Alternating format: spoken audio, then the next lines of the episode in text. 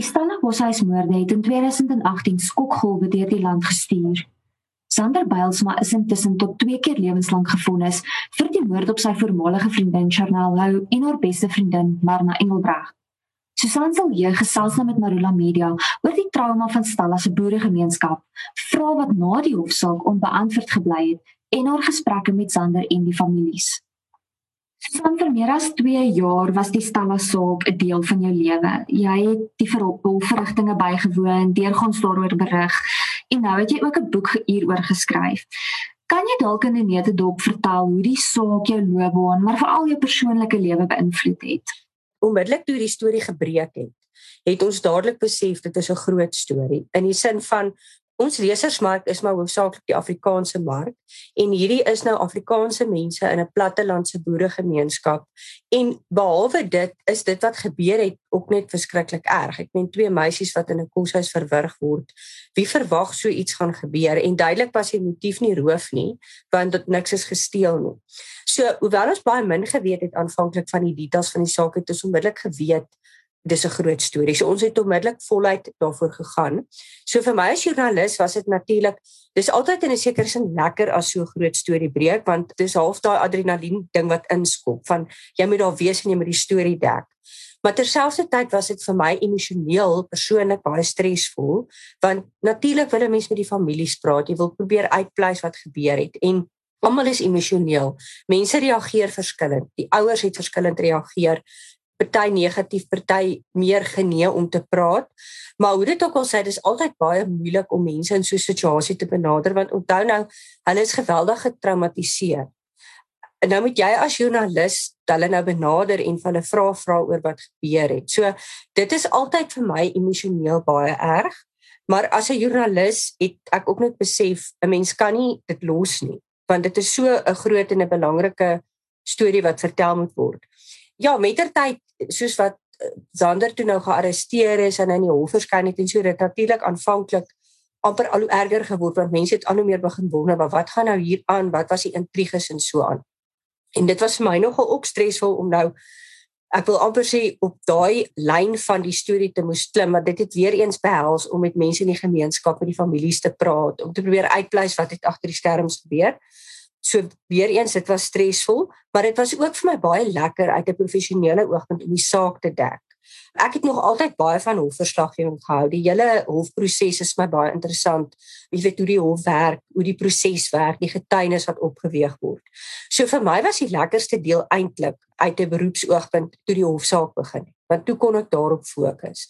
En dit was natuurlik 'n geweldige interessante saak. Ehm um, julle sal self weet, julle lesersyfers het seker op die dak verbygesteek terme van mense wat wat ingeskakel het en gelees het daaroor dieselfde met ons.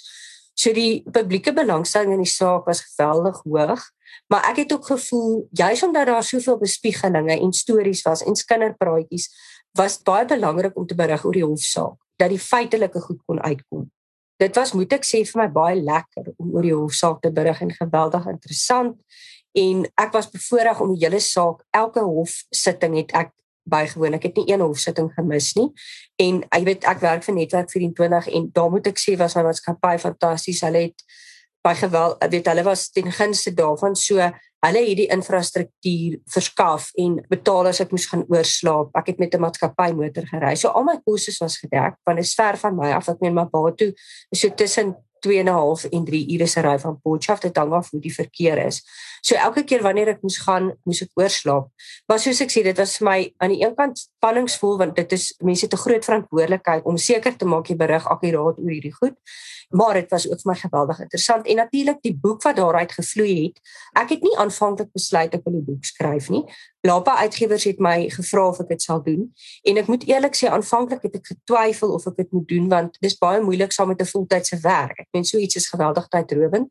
Maar uiteindelik het ek besluit ek gaan dit doen want ek het soveel inligting en dis natuurlik vir my 'n uitdaging om so iets te doen want dit is bietjie iets meer buite my normale werk. Maar ek het ook gevoel die saak het oor amper 3 jaar was hierdie hofsaak So mense het dit gefragmenteerd gevolg. Ek dink nie mense kan regtig onthou wat alles gebeur het en al die besonderhede wat in die hofsaak gebeur het nie. So dit het vir my ook gevoel dis 'n goeie manier om die hele ding te boekstaaf en in die sin van geregtigheid ook om te wys maar dis hoe die proses van geregtigheid verloop het en uiteindelik en ek is persoonlik ook oortuig daarvan is dat die regte persone skuldig bevind en geregtigheid het geskied. En mense is baie keer baie krities oor die reg en die regsprosesse. En ek dink hierdie boek wys ook dat daar's baie gevalle waarvan hierdie 'n voorbeeld is wat die reg sy loop geneem het en uiteindelik het die regte ding gebeur. So in 'n netetop is dit basies hoe ek um dit persoonlik en ook beroepsgewys ervaar het oor hierdie saak te berig. Dit was my geweldig verrykend, maar dit was ook moeilik. En ag jy weet veral weens die emosionele faktore. Nou die media het berig dat dit 'n traumatiese ervaring vir Stella se boeregemeenskap was en soos wat jy ook nou net beskryf het hoe die verskillende families dit ervaar het. Maar wat was jou ervaring van hierdie trauma op grondvlak? Ek dink mense se oorheersende gevoel was hulle kon nie glo dit het gebeur nie. Dis aanvanklik dis soos met enige trauma die, die aanvanklike reaksie is skok en ongeloof. En dan as dit nou so bietjie begin, ek wil sê afplat het die aanvanklike skok, dan begin mense onmiddellik wonder en dis presies wat daar gebeur het. Maar hoekom het dit gebeur? Wat het aanleiding gegee? En dit het natuurlik ook vrugbare grond vir kinderpraatjies geskep. Daar's geskinder oor van die betrokkenes en uh, mense wat beskuldigings geslinger het byvoorbeeld na Zander se ouers wat ek natuurlik dink onregverdig was want jy weet niemand sal ooit kan sê wat gebeur in iemand se siege as jy so iets doen nie, maar dit is nie die ouers se skuld as mense so optree nie, maar al wat ek wil sê dit was baie normaal. Maar aan die ander kant was die gemeenskap ook baie beskermend. Al ons joernaliste het nogal aanvanklik ervaar dat mense nie eintlik daaroor praat nie. En van die mense in die gemeenskap het ook nogal negatief reageer oor van die berigte wat geskryf is. Ek dink die gemeenskap het gevoel hulle wil almal beskerm. Ek dink ook Sander se ouers want daai aanvanklik al die goed wat later in die hofsaak uitgekom het was nie dadelik bekend nie. So mense het aanvanklik ook nou nie noodwendig gedink hy was skuldig nie. Mense het aanvanklik gewonder maar het hy dit gedoen? Wat is ander moontlikhede? Wat is ander scenario's? So die gemeenskap was baie beskermend. Ek het dit self ervaar. Hulle hulle wou nie eintlik oor die oor die goed praat nie en selfs as mense gedruk het, dan was hulle baie terughoudend. En ek dink dit was maar tekenend van die trauma en amper 'n ambivalensie van ek dink die gemeenskap self was ook nuuskierig mense in die gemeenskap oor wat het gebeur maar aan die ander kant het hulle hierdie lojaliteit gehad teenoor die betrokke families. Wat die ouers betref het men natuurlik al die ouers was aanvanklik almal baie erg getraumatiseer en daarbey sluit ek Sander se ouers in. Wat vir my interessant was is aan die begin het seker van die ouers maklik gepraat en ander wou glad nie praat nie. En soos wat die proses aangegaan het, het dit bietjie verander. Die wat aan die begin baie gepraat het, het later amper weer meer teruggetree en die wat glad nie wou praat nie was later bereik. Ek kan nou maar net 'n voorbeeld noem is Marna se ma, Rianet Engelbreg. Sy wou deur die hele hofsaak glad nie praat nie. En toe het ek ag jy weet 'n mens dink nou maar sy sal dalk nooit wou gepraat het nie, maar ek het toe met die skryf van die boek het ek met haar kontak gemaak en en haar versoek of sy graag sou wil praat en ek was so verskriklik verras en verbaas. Sy was baie vriendelik en sy het toe ingestem om te praat en gesê sy het net gevoel sy wil nie praat voor alles nie afhandel is nie. Sy is ook die enigste van die ouers wat gesê het maar sy vergewe vir Sandra. Dit was regtig dink ek dit baie waarde toegevoeg dat ek toe met haar in diepte onderhoud kon voer met die oog op die boek. Ja, so dit was my ook interessant hoe mense aanvanklik hoe hulle gedrag verander het soos wat hulle die trauma verwerk het. Ehm um, maar ek meen dit was natuurlik vir almal baie traumaties, die gemeenskap en die families. En ek dink selfs nou nog, dit is steeds dink ek 'n warm onderwerp en daar word steeds maar nog geskinder en gepraat en so aan. Maar ja, dit is nog steeds vir my ook as ek regtig dink aan wat gebeur het, dan dan sit asof mense gevoel het van onwerklikheid. Is dit regtig moontlik dat so iets kan gebeur in 'n skoolkoshuis in 'n platlandse dorpie? Ja, nou Susan, hoe gereeld het jy self met Zander gepraat en wat was jou indruk van hom? Kyk, uit die aard van die saak was daar nie baie geleentheid om met hom te praat nie, want hy was in aanhouding van die begin af en hy het ook nie borgtog gekry nie. So hy was derentyd in die gevangenis. Die kere wat ek wel met hom probeer praat het, het hy nie eintlik veel gesê nie. Ek weet op 'n stadium het ek ek na hy skuldig bevind is, het ek na hom toe gegaan en hom gesê, "Wil hy graag iets sê hoe voel hy?" En toe het hy gesê hy het nie hy wil nie iets sê nie, ek moet met sy pa praat. So ja, en kyk die beskuldigdes, dis ook 'n moeilike ding want hulle terwyl die verhoor aan die gang is veral sal dit nogal gevaarlik wees om met hulle te praat. Mens wil nie daai lyn oorskry. Dit kan neerkom op minagting van die hof. Jy weet as jy net met hom sou praat en hy praat byvoorbeeld oor die saak. Maar ek sou nou nooit dit gedoen het nie. Ek sou meer met hom wou praat oor voel hy emosioneel oor alles wat gebeur het en so. Maar hy wou nie regtig daaroor praat nie en ek dink sy regspanne het hom ook weghou van die media af wat mense kan verstaan met goeie rede. So ek het eintlik maar goed wat ek oor hom wou weet, soos hoe dit met hom gaan in die tronk, hoe hy voel, het ek maar by sy regspan uitgevind. Kyk, my indruk van hom was aanvanklik toe hy die eerste keer in die hof verskyn het. Was hy uit amper soos 'n skoolseun gelyk, want ek meen hy hy was 19, hy basies die vorige jaar matriek geskryf, baie jonk.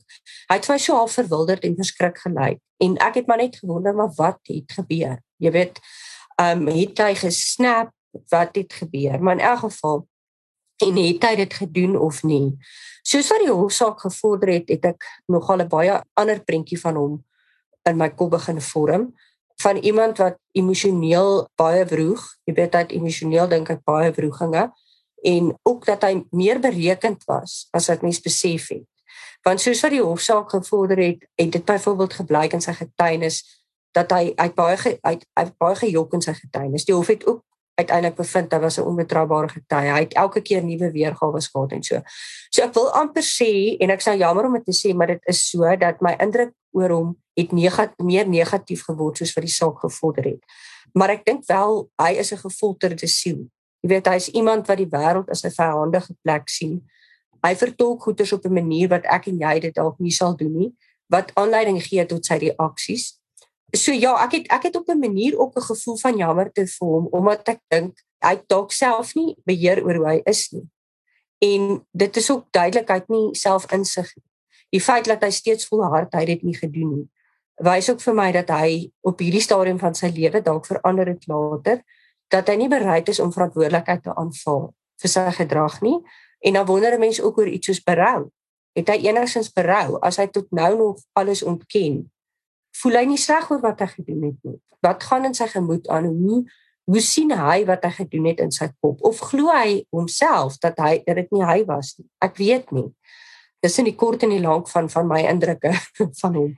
Nou Bylsma se regspan voer aan daar is nie genoeg aandag geskenk aan die feit dat sy DNS nie op die moordtoneel gevind is nie, maar wel DNS van Brendan. Het jy in enige oomblik van die saak gewonder of daar 'n moontlikheid is dat Sander dalk die waarheid praat en dat hy wel onskuldig is? OK, ek moet net eers sê dit is daar's nooit bewys dat dit Brendan Brandon se DNS was nie kyk die die forensiese toetse het gewys daar was vreemde DNS onder Chanel se naels en op die draadsak waarmee Marna verwrig is. So niemand weet wie se DNS dit is nie. En dit was 'n kritiekpunt van sy regspan. Hulle het gesê dat die polisie het droog gemaak. Hulle moes hulle moes dit vergelyk het met Brandon se DNS want Brandon was die aand in die koshuis. Hy het dit self erken. Hy het gesê hy het vir hulle gaan kuier.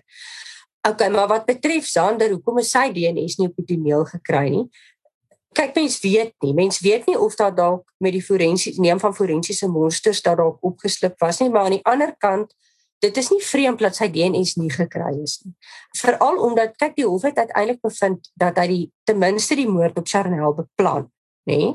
nou ag ek gaan nou nie in op die besonderhede nie nou mense wat die saak gevolg het sal weet hoekom want hy het voor die tyd gedreig. Daar was duidelike momente wat aangedui het op sy beplanning en ook op sy beplanning om uiteindelik te sê maar sy wou selfmoord pleeg.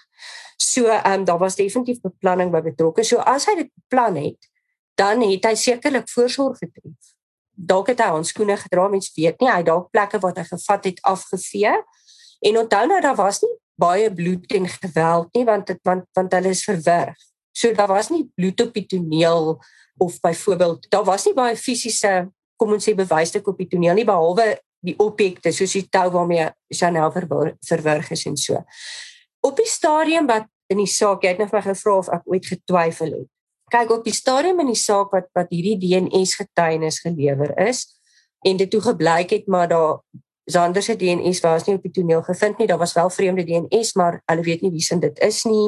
En sy regspan het natuurlik daai geleentheid aangegryp om aan te voer, maar dit kon Brandon se gewees het, maar Brandon se is nooit getoets nie. Ek persoonlik het dit het my nie laat twyfel nie.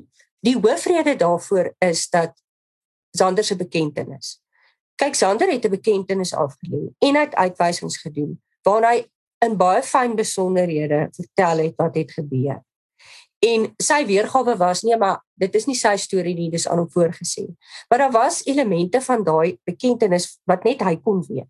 En een van die goed wat byvoorbeeld uitgekom het is dat hy het in die bekentenis gesê hy het vir Chanel eers bewusteloos gewurg en toe daar gehaal. En dit is afgelê voor die lijkskouings gedoen is. Kyk, hy het die bekentenis die Saterdag aand afgelê, die lijkskouings is eers die Maandag gedoen. En in die patologiese verslag wat die lijkskouings gedoen het staan ook Chanel is eers verwrig en toe sy gehaal. Hy kon dit sien, hy kon dit aflei uit die liggaam. So wat ek wil sê is net die persoon hoe hy dit geweet. So ek is oortuig op daai stadium toe die DNS argumente gevoer is, het hierdie goed reeds uitgekom in binne verhoor. So ek was toe reeds oortuig, maar hy is die enigste een wat daai inligting wat in die bekentenis was kon verskaf of kom ons sê baie van die detail daarin. En dit het ook gestrook presies met die uitwysings wat hy later gedoen het. Uitwysings het hy presies dieselfde ingesê ek het nooit getwyfel daaraan nie. Ek dink die bekentenis was vir my eintlik die deurslaggewende faktor. En ek dink Brandon het ook geen motief gehad nie. Ek meen op die stadium toe die moorde gepleeg is, het Brandon en Chanel uitgegaan. Die regter het byvoorbeeld in sy uitspraak gesê want Sander het beweer hy en Chanel het opgemaak kort voor die moorde gepleeg is.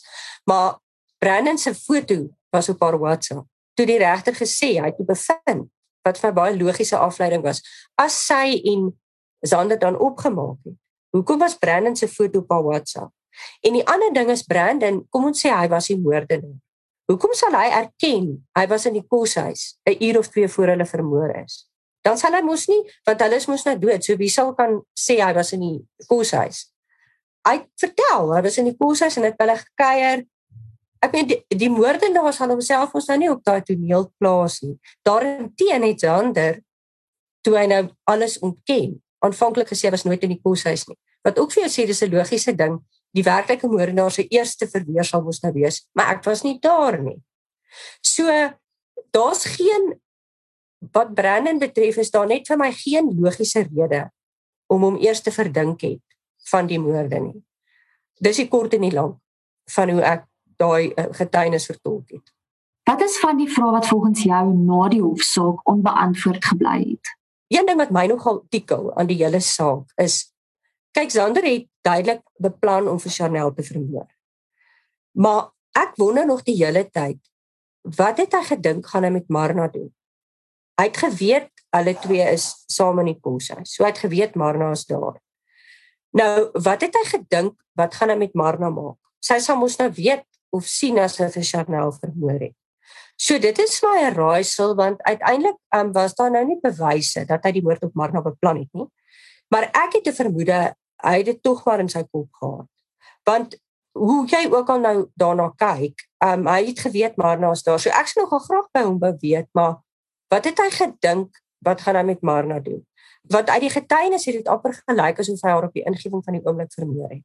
Want hy kwaad geword en toe sy agter haar aan na die badkamer toe toe hy daar verwerf. Maar dit lyk nie of dit beplan was nie. So daai gedeelte van die storie is my nogal 'n raaisel. Ja, en dan die ander ding Ja, die ander ding wat my ook tikkel is is is Zander se ouers. Hulle glo steeds in sy onskuld. Hulle het na die uitspraak ook gesê hulle glo steeds hy is onskuldig. Maar ek sal graag met hulle nog 'n eerlike gesprek wil hê. Al is dit heeltemal van die rekord af en hulle vra, maar hoekom is hulle oortuig is onskuldig? Hoe verklaar hulle die bewyse teen hom. Hoe verklaar hulle sy swak getuienis in die hof, sy sy ooglopende leuns? En as dit nou nou nie hy was nie, wie was dit? Wie het 'n motief gehad om om om vir Marlon Chanel te vermoor behalwe Zander wat uitgesproke aggressiewe uitsprake gemaak het voor die moorde teen albei die meisies. Ek meen hy het op 'n stadium vir Marna gedreig hy gaan haar skiet.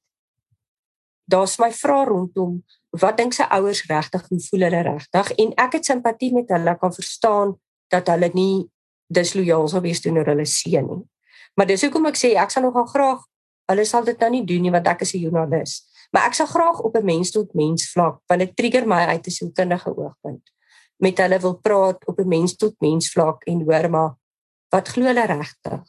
Ja, verder verder dink ek baie van die ander vrae is in die hofsaak eintlik beantwoord. Ons weet hoe sy moorde gepleeg, ons weet wie die moorde gepleeg, ons weet wat was die motief. Ja, so wat dit betref dink ek vir my is daar redelike duidelikheid daaroor. Ek kan nie regtig dink aan nog iets spesifieks wat ek sou wou uitvind of vra nie. Nou, tydens die vonnisoplegging het regter Ronald Hendriks uh, dit as 'n brutale moord beskryf en in so 'n emosionele saak waar 'n besondere aanstootlike misdaad plaasgevind het en die skuld van die beskuldigde seker blyk te wees. Almal is spesifiek seker dit Sander het hierdie moorde gepleeg. Hoe bly jy dan onpartydig en objektief in jou beriggewing?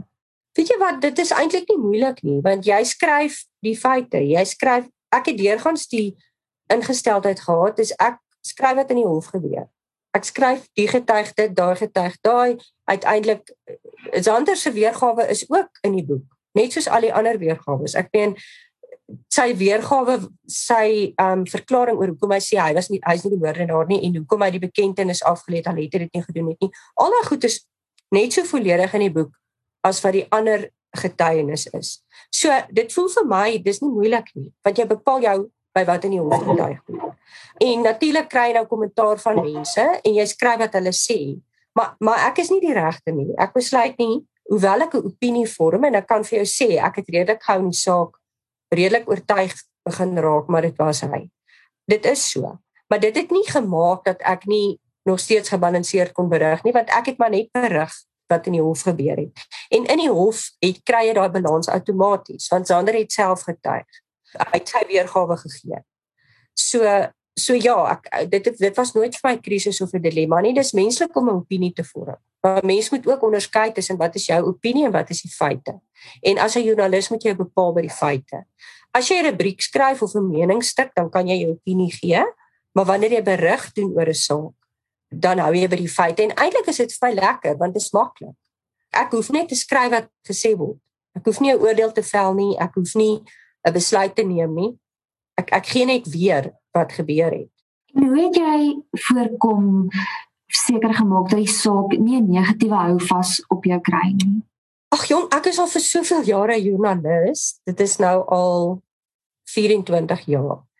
Ag nee, wat ek het nie slapelose nagte daaroor nie. Dit is natuurlik mense het maar jou spanning en stres rondom die werk en die verantwoordelikheid soos wat ek voorreeds gesê het, maar wanneer ek klaar gewerk het, dan kan ek my ook distansieer daarvan. Dit raak my nie persoonlik nie. Mens raak maar moeg, jy raak fisies en emosioneel uitgeput, maar dit was nog nooit vir my dat ek gevoel het ek kan dit nie hanteer nie. Ek hanteer dit maar soos ek net nou gesê het feitelik. Ek skryf oor die feite wat gebeur het en oor die saak en ja, dit is natuurlik erg in die sin van 'n mens besef dit is 'n traumatiese ding vir almal betrokke en en so aan. Maar maar nee wat ek het nooit gevoel dat dit my op op 'n negatiewe manier beïnvloed nie, glad nie. As mense die boek lees, dan moet hulle maar net onthou dat dit lees nou kom ons sê bietjie soos 'n storie want dit is in 'n verhalende trant geskryf. Maar jy weet hier is en bly mense betrokke. En dit is vir daai mense almal 'n intens tragiese ding in hulle lewens gewees wat hulle lewens onherroepelik verander het en selfs vernietig het. So mense moet altyd onthou dis regte mense, dit het regtig gebeur en dit is vir daai mense vernietigend geweest vir hulle lewens en ek het dit ook deurgangs in gedagte probeer hou toe ek die boek geskryf het. Hoewel mense harde feite moet skryf, moet mens ook in gedagte hou hier's mense en emosies betrokke. Dis maar my slotopmerking as ek dit so kan stel.